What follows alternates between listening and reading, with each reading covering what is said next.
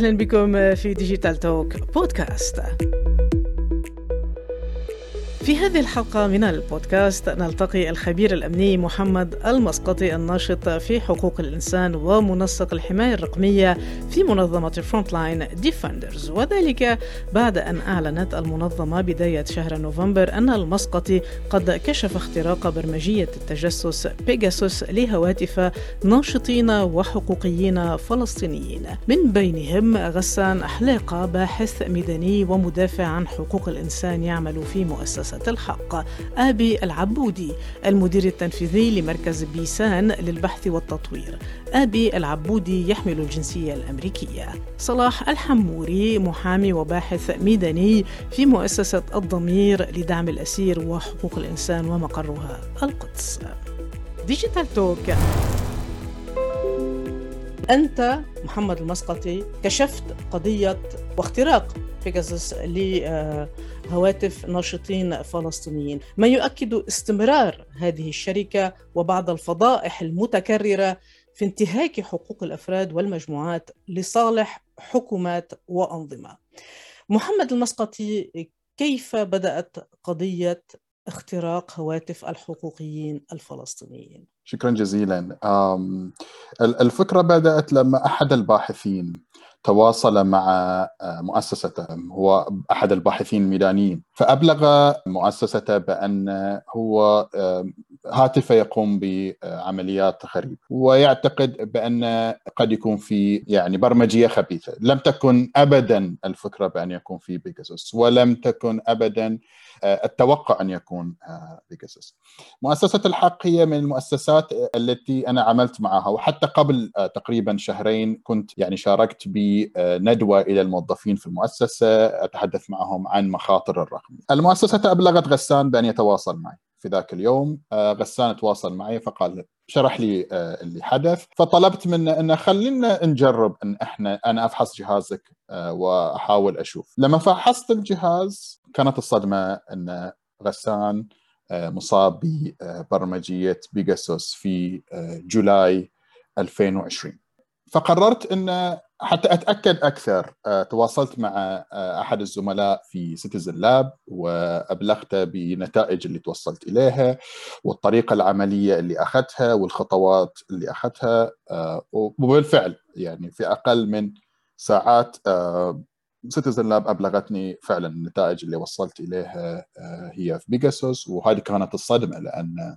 غسان هو يملك هاتف برقم إسرائيلي. وبيجاسوس و NSO أشارت بأن الأرقام الإسرائيلية غير مسموح بالتجسس عليها. بعدها بدأت رحلة التنسيق مع المؤسسات الأخرى بالذات المؤسسات التي وضعت لاحقا. بعد بدأنا التحقيق صراحة وضعت لاحقا على قائمة الأرهاب. وتواصلت مع العشرات من المؤسسات. خلال الأسابيع هذه من من من من بداية تحقيقي إلى نهايته فحصت 75 جهاز. كل هذه الأجهزة هي بطبيعة الحال أجهزة الآيفون لأن يسهل إن نقدر نكشف عن عمليات بيجاسوس فيها وأسهل في الوصول إلى ال history وال logs الداتا البيانات التاريخية في الهاتف. علشان علشان نثبت القضية وما يستطيعون سواء الشركة أو الأشخاص الذين يريدون استهداف تحقيقي أنا قمت بعدة عمليات. العملية الأولى أن أخذت المعلومات من الهاتف اللي هي المعلومات الأساسية وهي البيانات اللي تتكلم عن ماذا حصل في الهاتف بشكل كامل. وبعدين طلبت من كل الضحايا أن يقوموا بعملية نسخ احتياطي إلى كل البيانات الهاتف من أجل فحص الملف ملف لمعرفة كيف حصل هذا ومن وراء وهذا للأسف ما قدرنا نوصل من من خلف هذا الهجوم.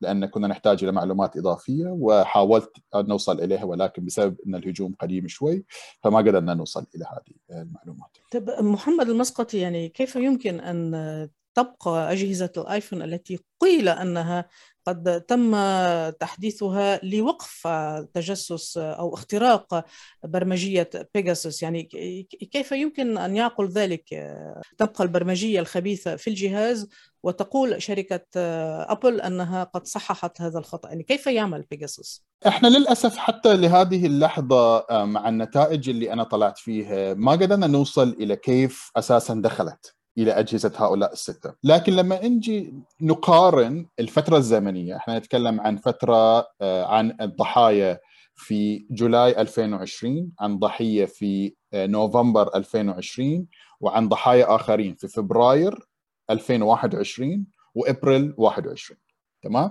لدرجة إن أحد أحد الضحايا أساسا أخذ تليفونه جديد. أخذ تليفونه في January 2021 فال يعني نعم. في الهاتف الجديد اصيب فيه.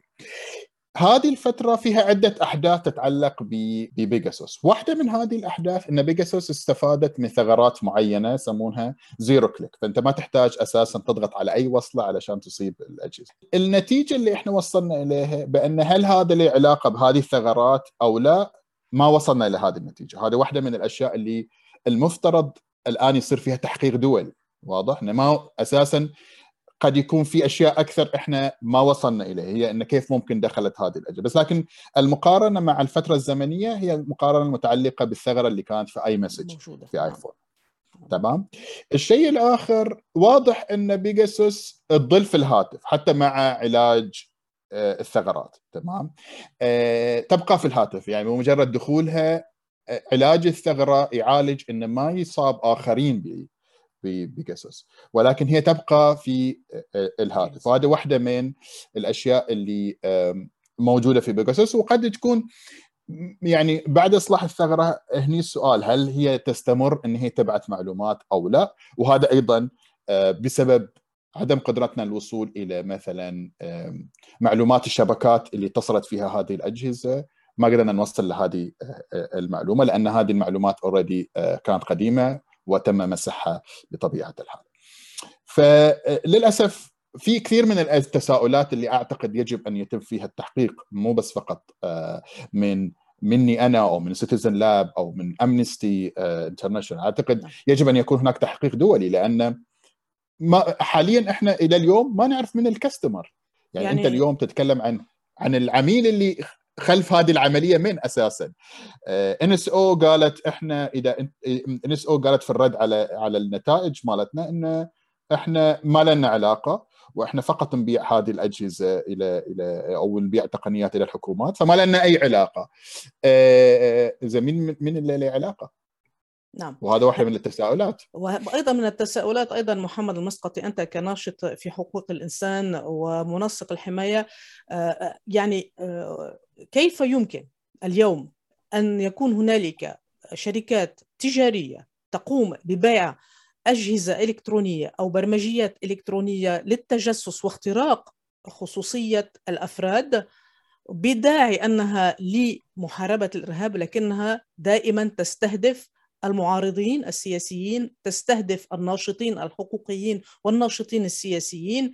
يعني أين هي اليوم القوانين الدولية التي يجب أن توضع للحد من هذه التجارة؟ يعني أليس على الأمم المتحدة أن تتدخل؟ يعني أنا قبل قبل لا نصدر التقرير بالمناسبه كان عندي عدة لقاءات مع أكثر من جهات وواحدة من هذه اللقاءات كان جزء من أشخاص في الأمم المتحدة وجهات أخرى.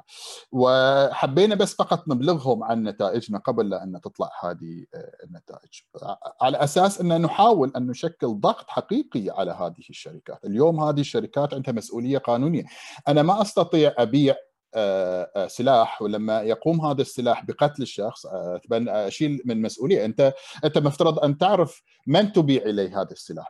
ماذا سوف يفعل به؟ هل إذا رأيت بأن هذا الشخص قد يكون يعني يأخذ السلاح ويقتل شخص آخر بداعي الانتقام؟ وهذا اللي حصل في انسو يعني لما نلاحظ العملاء الشركة اليوم هم أساسا منتهكي حقوق الإنسان. فأنت تبيع لهم قدرات عالية بهذا ال ال ال ال الأمر.